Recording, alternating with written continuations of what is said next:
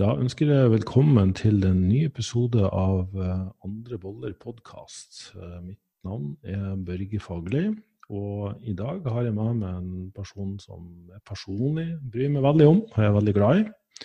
Har kjent i mange, mange år, og vi har til og med også gått på mange av de samme kursene. Og um, Rikke, kan du fortelle litt om deg sjøl? Hva heter du, hvor gammel er du, og hva, hva driver du med? Det kan jeg. Jeg er veldig enig i det du sa, da. Jeg ble veldig glad av å høre de ordene. Ja. så um, jeg heter Rikke, er snart 31 år gammel. Har nettopp flytta til Kragerø. Um, jeg har jo også en lang um, ulik bakgrunn. Um, som har ført meg Det er kanskje ikke så viktig å snakke så mye om det, men det har ført meg hit mm. til til, ehm, både til Kragerø og til at jeg har startet ehm, mitt eget firma som heter Uro veiledning. Mm. Um, med UN i parentes? Med UN i parentes, ja. ja. Det er litt, litt vanskelig å, å, forklare det med ord. Det er så lettere når man ser det. Ja. Um, så kan jeg jo da si litt om bakgrunnen for uro, som er veldig personlig. Mm. Um, og det er jo at jeg for to år siden fikk tvillinger. Um, fødte veldig tidlig. Og så etter bare ti dager så døde tvillingjenta mi. Mm. Det var en gutt og en jente.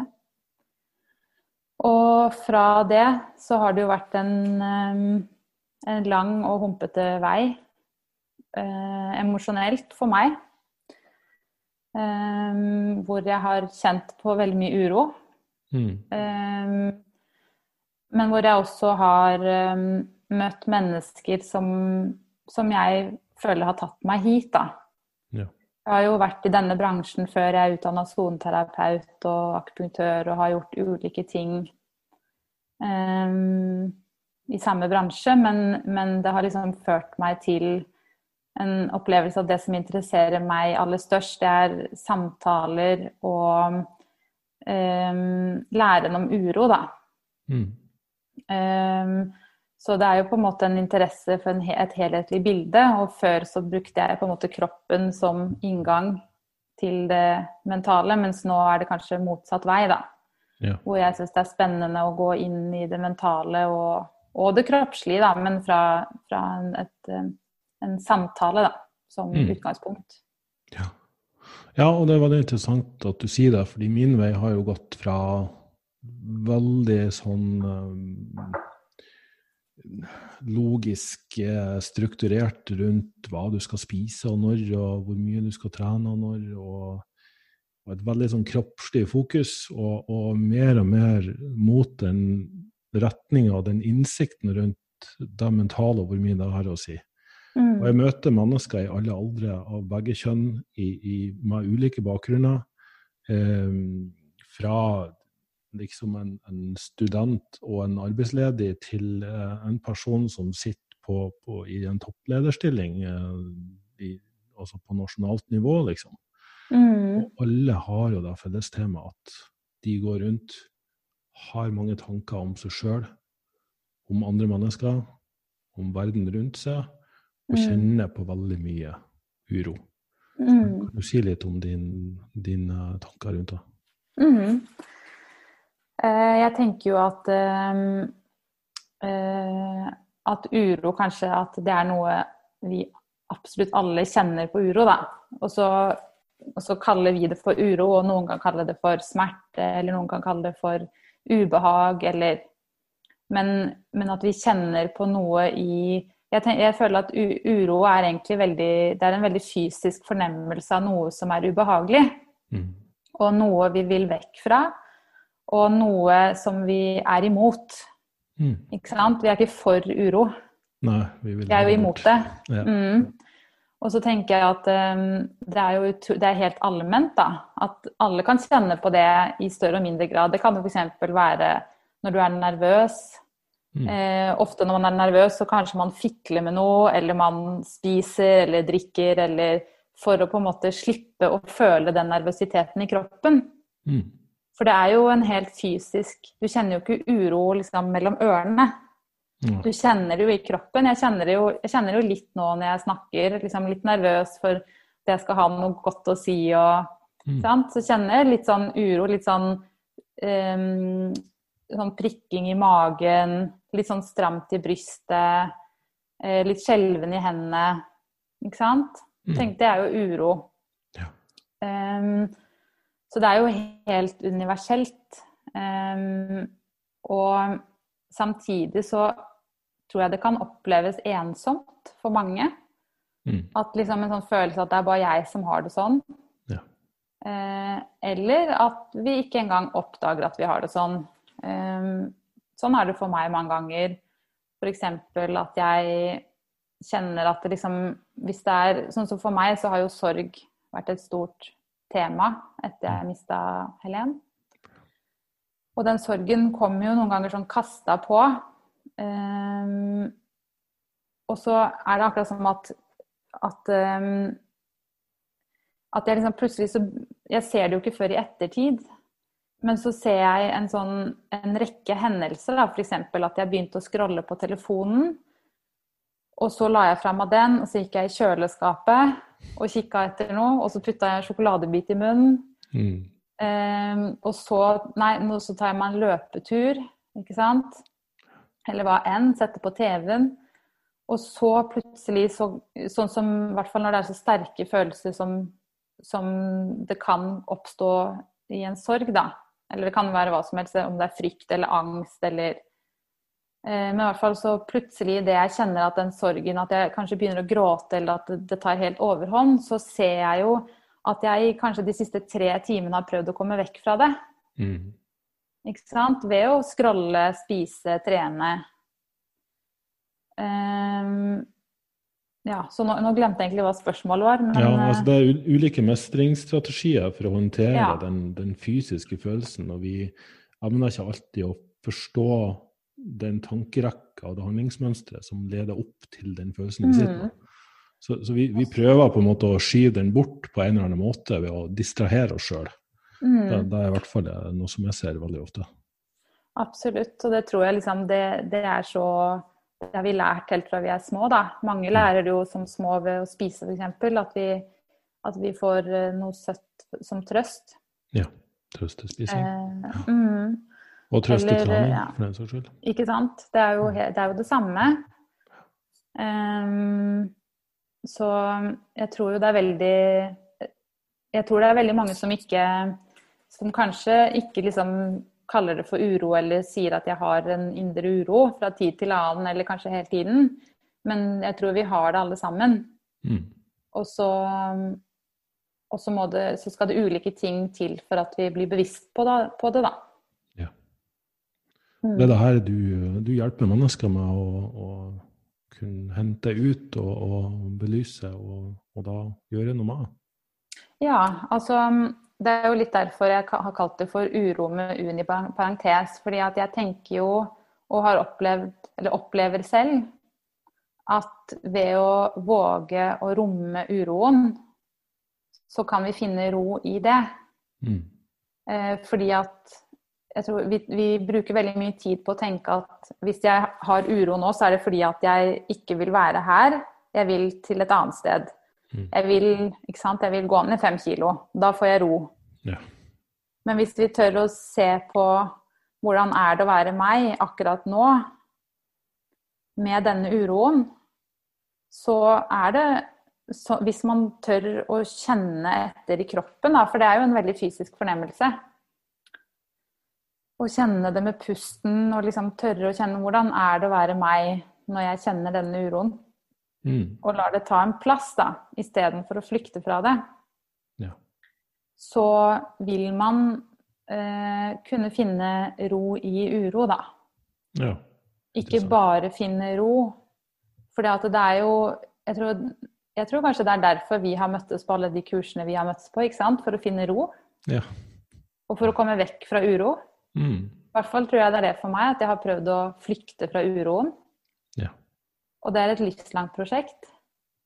Men hvis vi kan stoppe her i uroen og se om vi finner ro i den, Ja.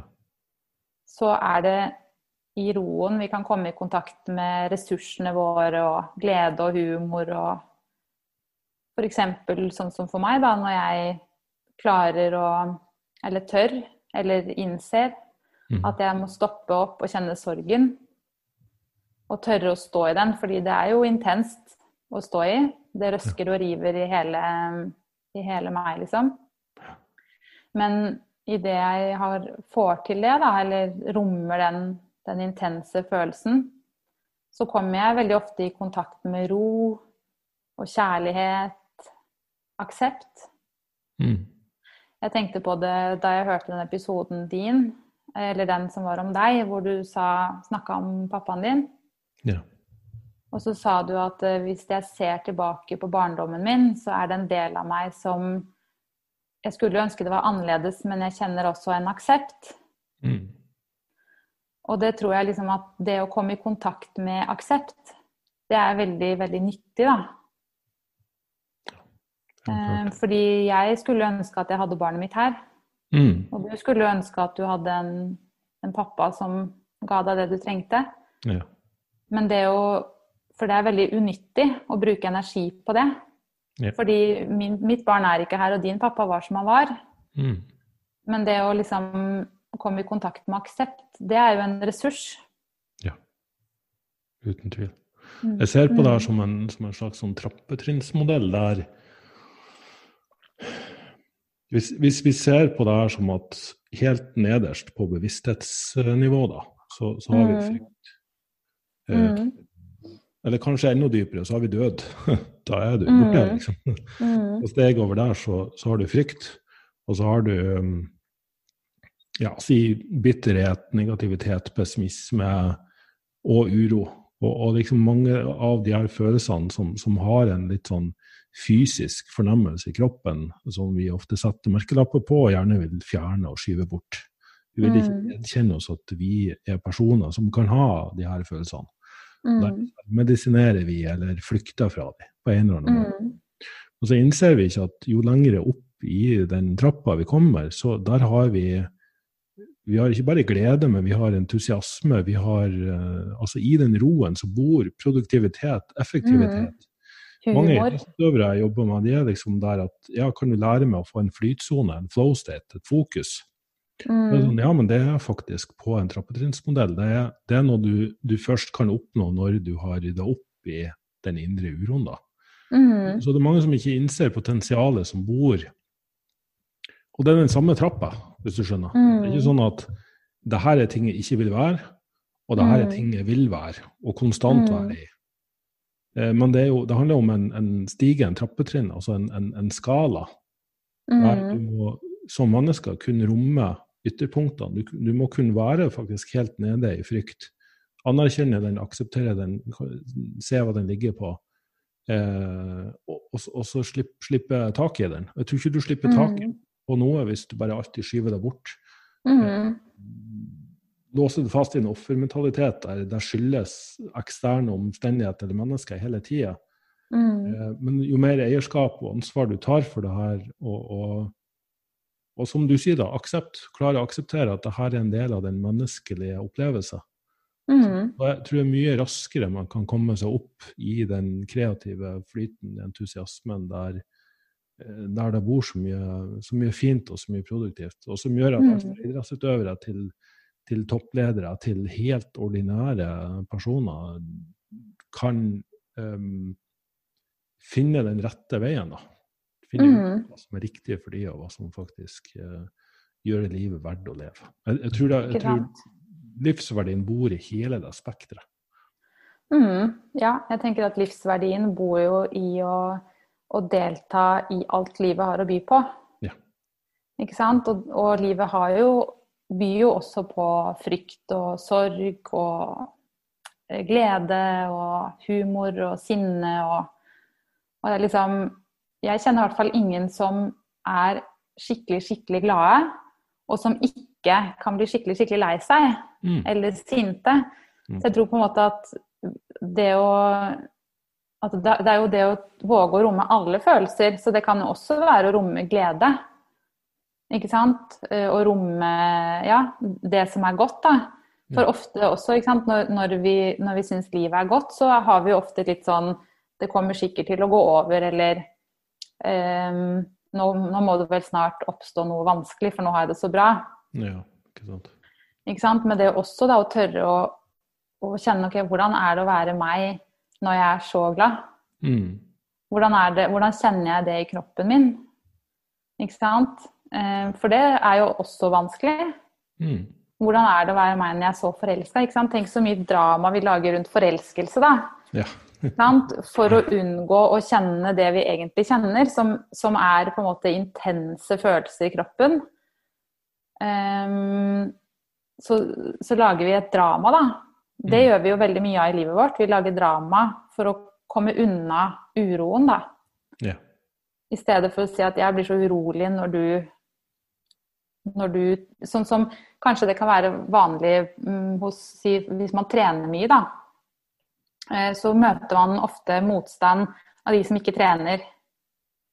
Ikke sant? At de liksom har liksom Nå må du trener jo hele tiden, nå må du unne deg noe godt, og nå må du kose deg litt, og ja. uh, Istedenfor at de kan si fy søren, jeg blir så urolig av at du trener så mye, fordi det minner meg på at jeg ikke kommer meg på trening. Ja. ikke sant? Eller motsatt. Mm. Det er jo sånn, De som trener veldig mye, sier til de som sitter på sofaen 'herregud, nå må du komme deg på trening'. Det er jo ikke så vanskelig. Mm. Istedenfor å si 'jeg blir så urolig av å se deg sitte på sofaen og kose deg'. Ja. Fordi at hvis jeg hadde sittet på sofaen og kost meg, så hadde jeg blitt urolig. For da hadde jeg hatt dårlig samvittighet for at jeg ikke trente. Ja, og enda mer relevant er jo den situasjonen vi er i nå, og har vært i noen måneder med koronaepidemi. Der jeg mm. ser mm. de reaksjonene det her skaper blant folk. Og alt kan spilles ja. tilbake til uro. Fordi det er en ja, ukjent situasjon. Man hører mm. ulike scenarioer og, og, sannheter, og, og, blir presentert fakta som kanskje ikke alltid er man er enig i sjøl, eller som strider mot de fakta man har hørt et annet sted. Og, mm. og så blir det en sånn kontrastfylt hverdag der pga. den frykten og uroen man har rundt det her, fordi man blir pålagt uh, restriksjoner og frihetsberøvelse i mange tilfeller. Mm. Og, og, også kjenne på at enn hvis jeg blir syk, eller hvis jeg smitter noen jeg er glad i, eller hvis noen dør fra meg, som mm. av det her. Eh, det er en sånn stor ukjent faktor her som, som man sjøl ikke har kontroll over. Ikke sant? Og, og, da ser jeg nesten at det fremprovoserer det, det verste i mange mennesker. Også. Det er jo, jeg syns det er så interessant, det med kontroll. Mm. Og så hvis vi setter det på spissen, da, og sier at nesten alt vi gjør, som er eh, mønstre som vi følger, da, det er for å unngå å kjenne på hvordan det er å være meg når jeg ikke har kontroll. Ja, nettopp. Ikke sant? At vi liksom vi planlegger, vi planlegger livet i detalj for å slippe å kjenne på hvordan er det å være meg når jeg er uten kontroll. Og vi er jo egentlig uten kontroll. Mm, vi har jo egentlig ikke kontroll, men vi liker å tro at vi har det, da. Falsk illusjon, rett og slett. Mm, og så liksom istedenfor å kjenne på hvordan er det å være meg akkurat nå, når jeg ikke vet. Mm. Jeg vet ikke hva som skjer etterpå eller i morgen. Jeg har ikke kontroll på livet mitt, da. Um, og det er jo Jeg syns jeg hører så mange sier det at um, Jeg tror bare jeg er en sånn person som trenger å ha kontroll for å ha det bra. Mm. Ikke sant? At det, veldig mange tenker det at jeg tror nok jeg, Det er sånn jeg er. Ja. Og så er det sånn, ja det er du, men det er jo sånn vi alle er, egentlig. Ja. det er jo ingen som liker å ikke ha kontroll. Nei. Um, vi, har alle, vi har bare forskjellige måter å håndtere det på. Ja, ikke sant. Noen ganger så kanskje kamuflerer vi det som omsorg. Mm. Ikke sant? At uh, det å ha kontroll på deg kan jeg vise gjennom omsorg, f.eks. Men det er fortsatt kanskje et det er, det er jo ikke det at omsorg alltid er et kontrollbehov, da, men, men det, er, det, ligger veldig mye i liksom vi, vi, lever i et løsningsorientert samfunn, da. Mm. Ikke sant? Sted, og, og, løsninger handler jo aldri om her og nå. Ja. Nesten. Så løsning kontroll, planlegging. Det handler jo om fremtiden. Mm. Om noe vi ikke vet. Ja. Og ikke kan um, vite. Mm. Vi prøver å forutse framtida basert på hva historien viser oss, eller hvordan Mm. vårt eget reaksjonsmønster er. Men det er, og, og det her sier jeg ut fra et perspektiv der personer har sittet og sagt at der er, sånn er jeg. Det, det Ja. er bare sånn jeg er. Mm. Og det Mm. er fordi et eller annet narrativ rundt deres oppvekst Mm. eller historie eller bakgrunn eller opplevelser. Mm. Og, og så kan de få én en enkelt innsikt, der du bare ser at de blir glassaktige i blikket og forsvinner litt. Og plutselig har Mm. hele deres verdensperspektiv og verdensbilde endra seg. Ja.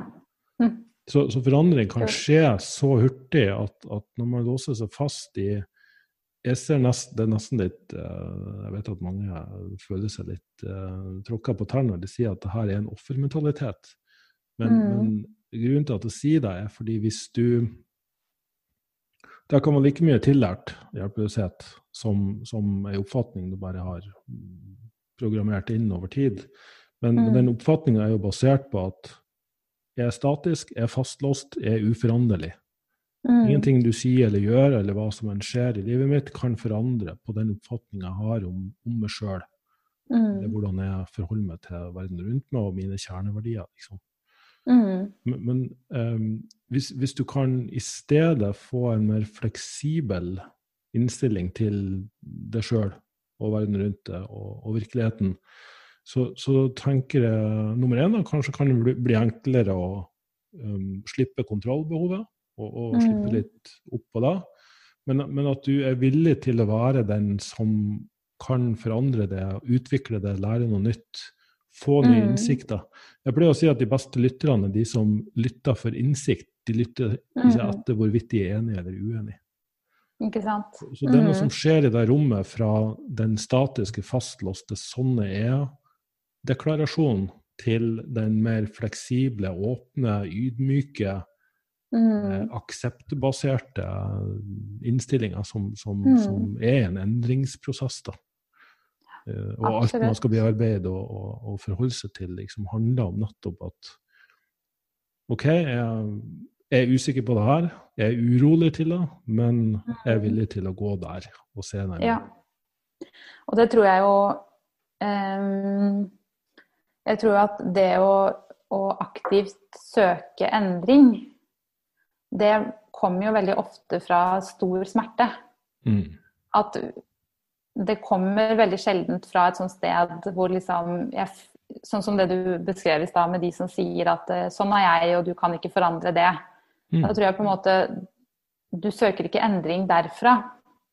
Så ofte må du lenger inn i lidelsen på en måte da, for å, for å søke etter en endring. Mm.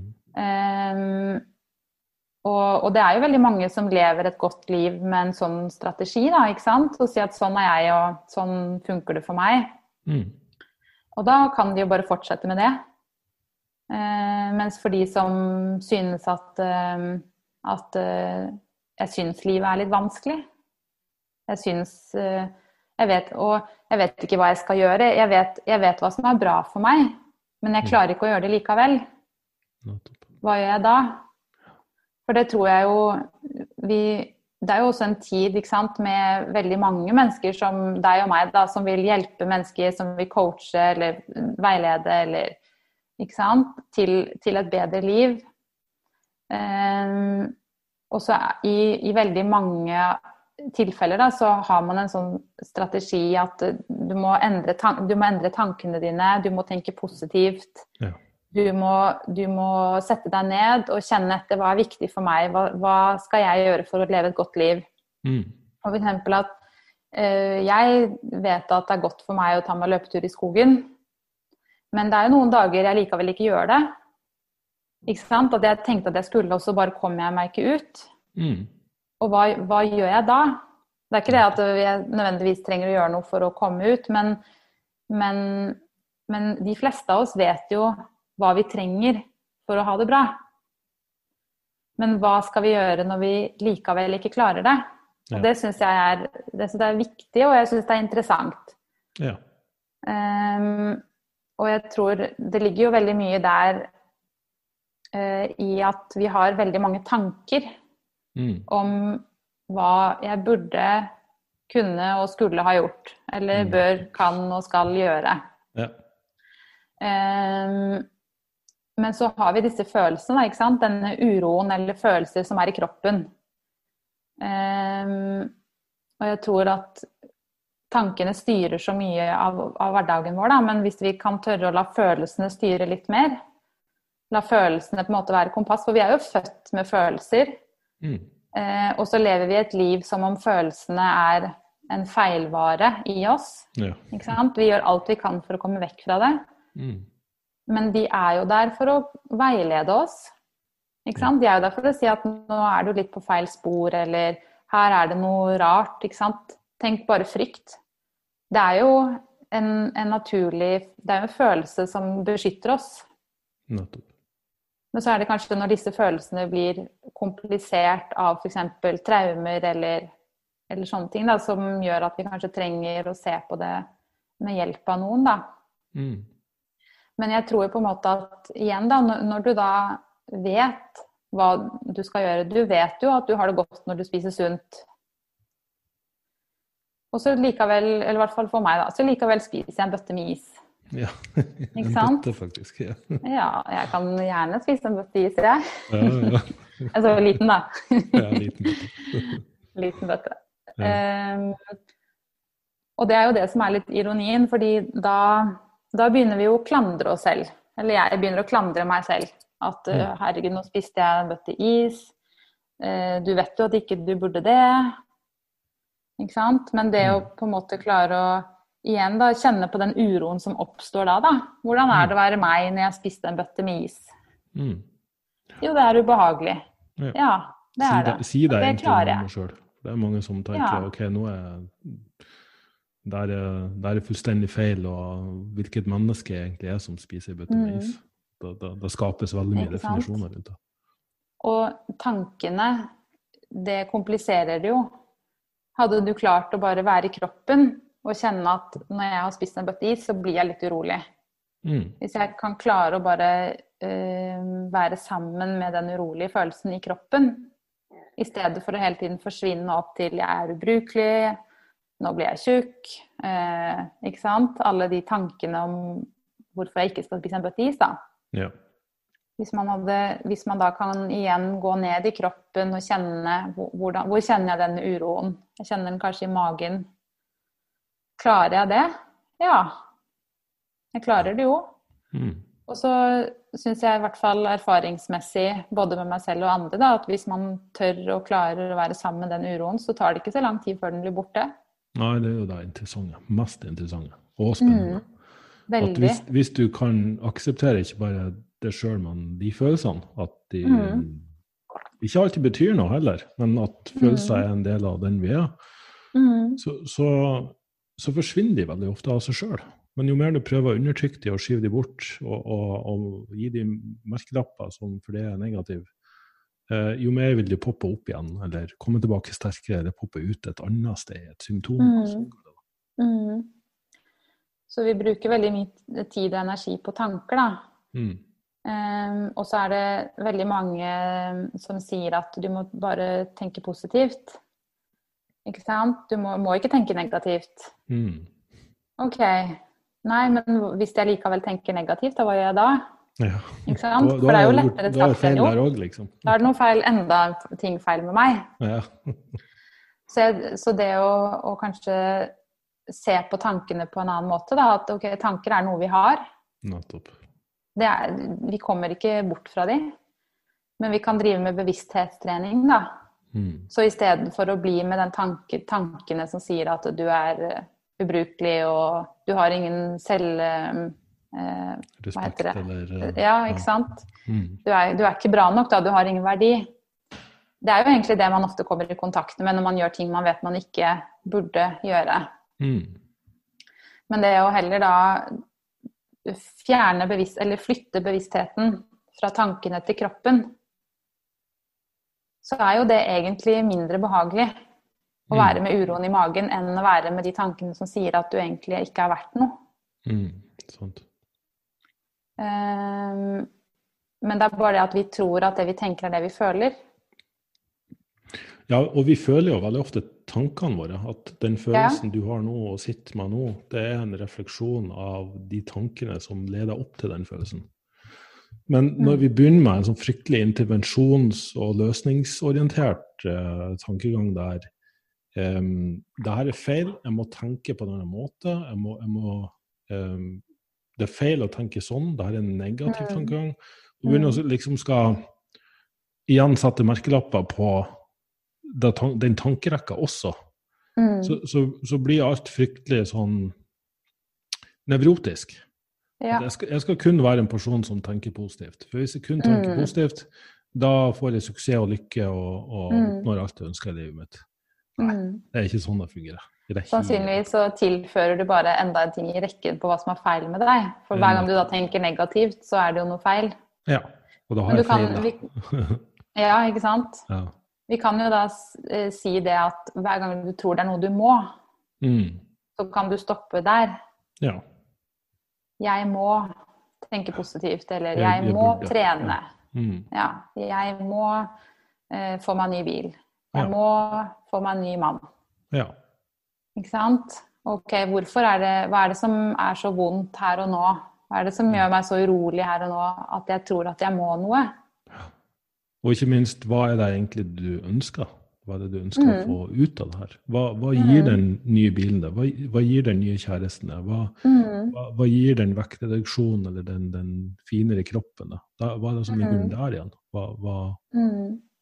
Og, og det her å faktisk òg kunne koble mer på den den ønskeretninga.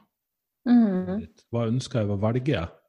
For da tar du tilbake eierskap mm. eh, til, til, hva du foretar deg, og hva du har kontroll over. Mm. Eh, og kanskje også klare å akseptere de tingene du faktisk ikke har kontroll over. Så En metafor jeg pleier ofte å bruke, det er sånn hvis, hvis du er en tennisspiller. Du elsker å mm. spille tennis. Mm. Og så skal du spille en tennismatch. Så de tingene du har kontroll over, det er at du kan spille tennis, du kan trene på tennis. Du kan sove godt, du kan uh, passe på at du har spist nok uh, fram mot matchen. Ha på deg mm. riktig tøy. Uh, sørge for at de forberedelsene du har gjort til matchen, er i overensstemmelse med et, et ønske deg om å gjøre det så bra som mulig. Mm. Men så taper du den matchen. Og da er det sånn veldig fort gjort for de offermentalitet at nei, var, dommeren tok feil avgjørelser, jeg fikk sola i øynene, vinden var i feil retning. Eh, I det hele tatt eksternalisere resultatet. Som, mm. Og kanskje for veldig mange så er det en dårlig spiller. Mm. Den, den, klassiske der. Det er ikke noe poeng å spille tennis mer, fordi jeg taper ja. uansett. Altså, det blir en mm. sånn det blir en sånn sirkulær argumentasjonsrekke. Mm. Det er liksom mitt, mitt, perspektiv på det at Men hvis, hvis, du kan sitte i den følelsen på at du har virkelig gjort det du kan, mm. eh, du har forberedt deg så godt du kan, eh, du har trent til den kampen, og ikke minst du ønsker å spille tennis, det er noe du virkelig liker å gjøre, mm. så vil resultatet egentlig være uavhengig, og kanskje var motstanderen bare bedre den dagen.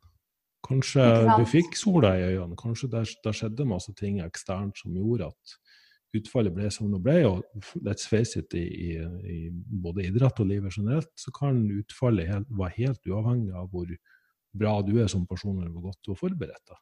Mm. Um, men, men, hvis du òg har et sånn eierskapsforhold til deg, OK, dette er de tingene jeg kanskje kunne forbedre og trent mer på. Så, så har mm. du en, en, litt annen mindset enn den der offermentaliteten. Du tar eierskap til det du sjøl kan kontrollere. Du kan, du kan mm. trene mer på tennis. Du kan kanskje, kanskje du var ute på, på, byen dagen før og ikke sov godt nok. OK, men da tar du det til etterretning neste gang og passer på å sove godt.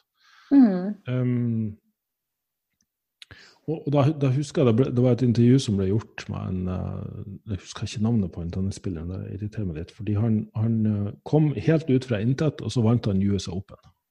Ja. Den mest prestisjefylte tennisturneringen mm. i USA med, med, flere millioner tilskuere, både i publikum og, og, på TV, liksom. Mm. Og, og, så var det liksom spørsmålet da at uh, For du har liksom kommet fra intet. Du har sikkert aldri spilt for et så stort publikum før. og Kjente du ikke på forventningspresset og alle som så på det? alle som forvent, altså i det hele tatt, Hadde du ikke forventninger til deg sjøl, og hva, hva, liksom tenkte du? Mm. Og han bare svarte nå For å være helt ærlig, så tenkte jeg ikke så mye. Jeg tenkte ikke så mye på alt det der du sier der. Mm. Jeg var der for å spille tennis. For jeg, mm. jeg, jeg liker å spille tennis. Mm, ikke sant. Jeg var her og nå. Ja, rett og slett. Mm, Mindfulness mm. I, i, i, praksis. In action. Ja. Ikke sant. Det er et fint, uh, fint bilde. Mm. Det, det, blir en slags uh, virkelighetsorientering av forventningene, da. Mm. Som egentlig er en ganske um, vanskelig ting. Vi har liksom forventninger som veldig sjeldent uh, henger sammen med virkeligheten, da. Mm. Og i det hele tatt veldig mye tanker om oss sjøl. Dømming og vurdering av oss sjøl. Ja. Og, og, som jeg pleier å si, at selvtillit vil ikke si at du kun tenker positivt om deg sjøl. Absolutt ikke. Jeg, jeg, tror det handler mer om at du har et reflektert, realistisk syn på dine styrker og svakheter, mm. og at tankene dine og fokuset kan handle om noe større enn deg sjøl. Det, mm. det, er ikke så fullt av deg sjøl i, i, i, den tankerekka. Mm. Ja, og at man, som du sier, at man eh, på en måte vet hvem man er da, i ulike settinger.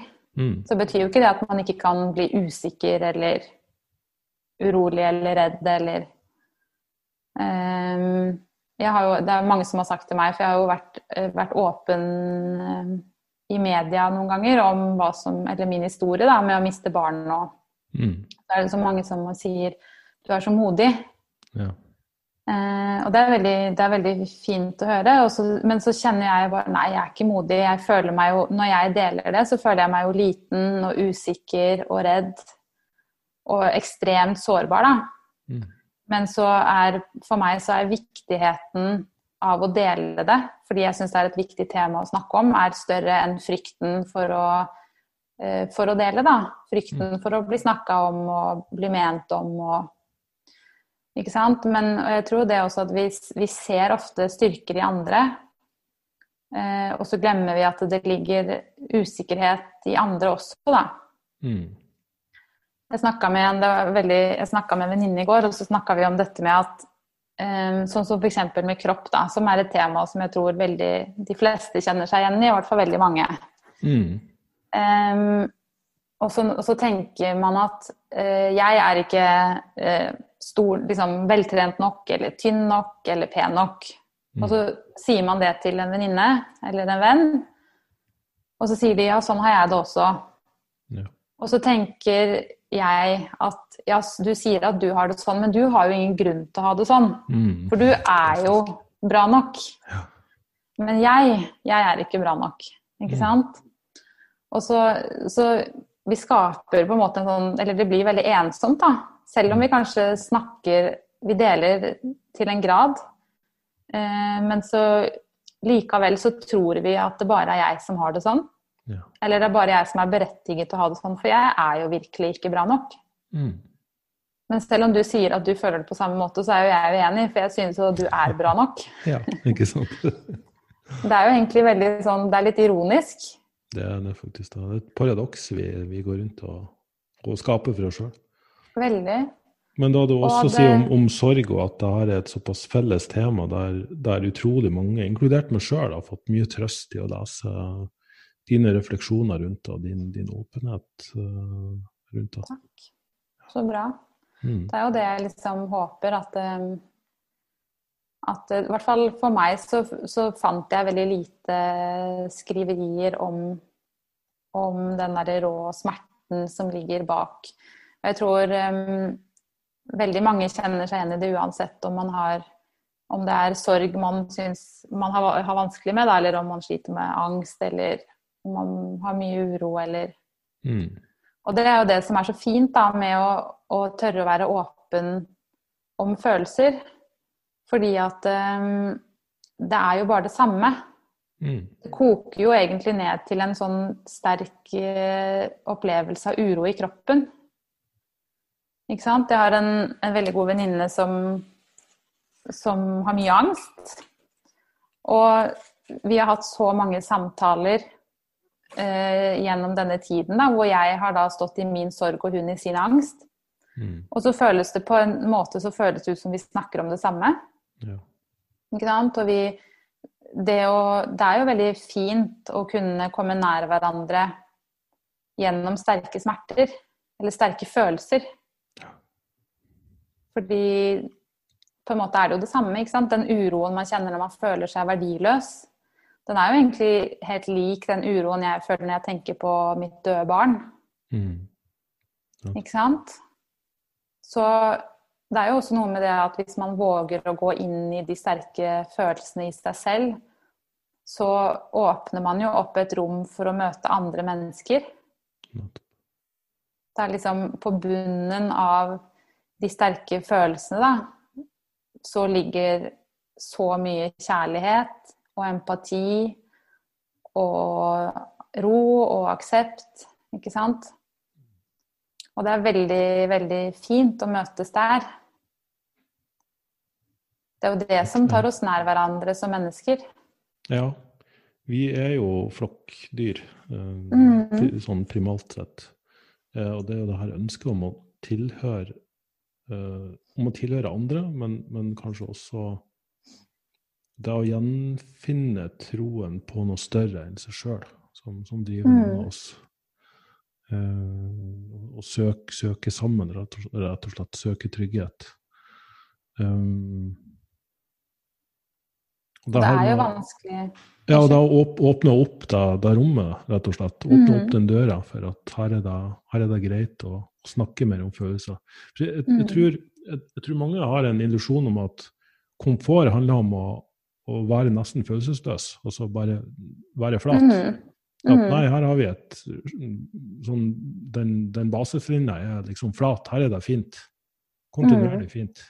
Men vi er jo ikke skapt sånn i det hele tatt. Nei da vil, vi, da vil vi oppsøke uromomenter eller ytterpunkter. Så, så vi, vi, søker mer mot å faktisk kjenne på hele følelsesregisteret. Eh, og det er jo derfor vi, vi kan alt fra utsette oss eh, for farlige situasjoner med, med eh, alt fra medikamenter til opplevelser til, til å skape konflikter med, mm -hmm. med, med folk på natta. Um, og det, det jo, som du sier, det å være flat, da, det er jo egentlig Det ligner jo på depresjon. Mm. Ikke sant? Og depresjon er jo bare et symptom på følelser som trenger å bli følt. Mm. For vi tror at jeg er deprimert, jeg føler ingenting. Ikke sant? Men det er jo bare ja, et symptom da, på at her ligger det noe under som må føles. Ja. Og jeg kjenner meg veldig godt igjen i det, for jeg har hatt det sånn selv. Um, og, og det, jeg tror det ligger jo en sånn ubevisst frykt der for at hvis, hvis alle de følelsene som ligger under overflaten her, kommer frem, det, det går ikke. Da, da, blir det liksom Det er en undervannsbombe. Mm. Ikke sant? Det, da kommer det til å bli overload. Ja. Så det, det, er jo derfor vi på en måte hele tiden prøver å holde de følelsene i sjakk. Men så viser det seg da at når de følelsene får komme opp, så blir det ikke, det blir ikke det blir ikke krise. Ja, det gjør vondt, men det er jo også godt å, å kjenne på de følelsene som er. Løsning. Og det er, jo, det er jo det som er deltakelse i livet. Ja, nettopp. Sånn har det i hvert fall vært for meg. At liksom F.eks. den kontrasten mellom å miste et barn samtidig som man får et barn. Mm. Ja. Um, det er jo på en måte definisjonen på å skulle romme ulike ting på samme tid. Da. Og det har jo vært veldig vanskelig. Eh, men samtidig så er det jo et bilde på at, at um, ulykke og lykke ikke kanskje er motsetninger til hverandre, da. Mm. For det er jo det vi tror, at hvis jeg er lykkelig, så kan jeg ikke være ulykkelig. Og hvis jeg er ulykkelig, så kan jeg ikke være lykkelig. Um, men men det er, det er, jo i aller høyeste grad deltakelse i livet. Da. Det å kunne være Kjenne begge deler samtidig. Finne ro i uro. Ja. Ikke sant? Det å, og sånn er Og det er jo det som kanskje er Det er det mange av oss prøver å komme vekk fra, da. For vi vil at livet bare skal være godt. Mm. Eller, bare, eller så er det en periode hvor det bare er vondt, og da aksepterer vi det. Mm. Men at hvis vi kan komme til et sted hvor livet kan inneholde alt hele tiden, da. um, I løpet av en dag så kan det være helt eksentrisk godt å leve, og det kan være helt intenst smertefullt. Mm. Um, og det, for meg er det jo det som, som gir et lykkelig liv, da.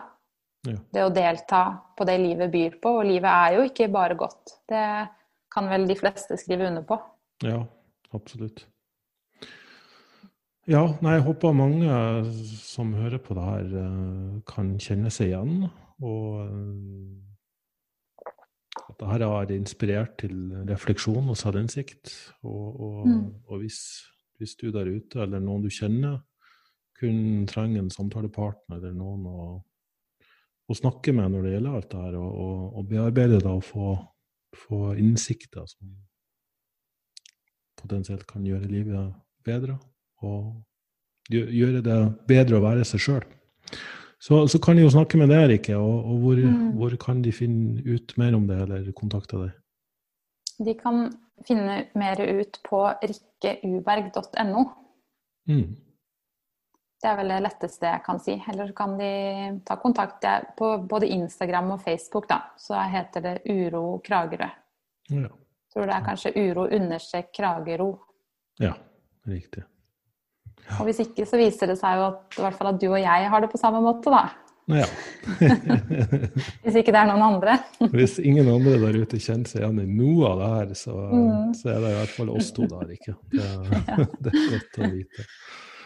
Nei, jeg kan nok si med sikkerhet at, at det er mange der ute som har det. Og det, det, det har både handla om alt fra det vi tror handler om kropp og selvbilde, eh, til hvordan vi forholder oss til jobb og, og hverdag og, og ting som skjer i samfunnet. Så, så, så det er et stort og bredt tema, men, men som har mange sentrale eh, elementer som, som man får veldig stort utbytte av å, å snakke med noen likesinnede om. Mm. Ja, jeg kjenner at jeg har eh, At um, det var så mye mer jeg hadde lyst til å snakke om. Ja. snakket, så har det vært så fint, det vi har snakka om. Ja, jeg er helt enig. Vi, vi kunne nok sikkert ha snakka veldig mye lenger enn det her. Men, uh, men la oss spare det til uh, Mm. de der ute som ønsker å snakke mer om det her, Ja. og, og at de kontakter det uh, for, for å se om det er noe å, å kommunisere videre om og snakke mer om. Mm. Så tusen takk for at du ville være med, Rikke. Jeg satte i hvert fall stor pris på det. og Alltid hyggelig å, å snakke med deg. Vi har, vi har mange fine samtaler. I like måte. Takk for at du spurte. Mm. Ha det bra. Ha det bra.